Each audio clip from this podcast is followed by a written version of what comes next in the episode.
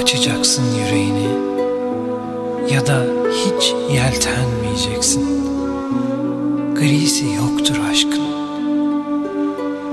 Ya siyahı ya da beyazı seçeceksin. Güzel bir gülü, güzel bir geceyi, güzel bir dostu herkes ister. Önemli olan gülü dikeniyle, geceyi gizemiyle, dostu tüm derdiyle sevebilmektir. Sığ suları en hafif rüzgarlar bile coşturabiliyor. Derin denizleri ise ancak derin sevdalar. Anladım ki derin ve esrarengiz olan her şey susuyor. Anladım ki susan her şey derin ve esrarengiz. Bir şey yap. Güzel olsun. Çok mu zor? O vakit güzel bir şey söyle. Dilin mi dönmüyor? Öyleyse güzel bir şey gör veya güzel bir şey yaz. Beceremez misin? O zaman güzel bir şeye başla. Ama hep güzel şeyler olsun. Çünkü her insan ölecek yaşta.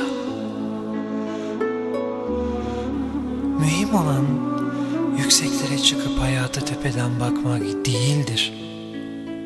Mühim olan ne kadar yükselsen de her şeye eşit mesafeden bakabilmektir. Ne diye böbürlenip büyükleniyorsun? Doğumun bir damla su, ölümün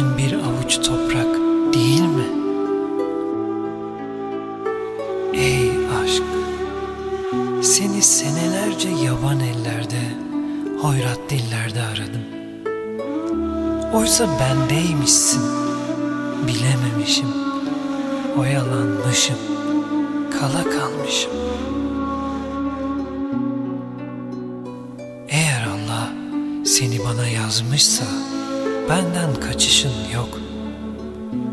Lakin kader seni benden almışsa ağlamaya lüzum yok. Kalp ruha der ki ben severim, aşık olurum ama acısını nedense hep sen çekersin. Ruh da cevap verir. Sen yeter ki sev.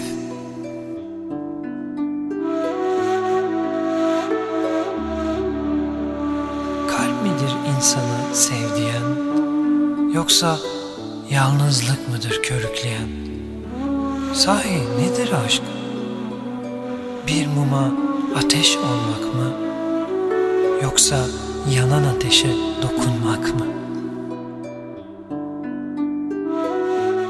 Anladım ki insanlar susanı korkak, görmezden geleni aptal, affetmeyi bileni çantada keklik sanıyorlar.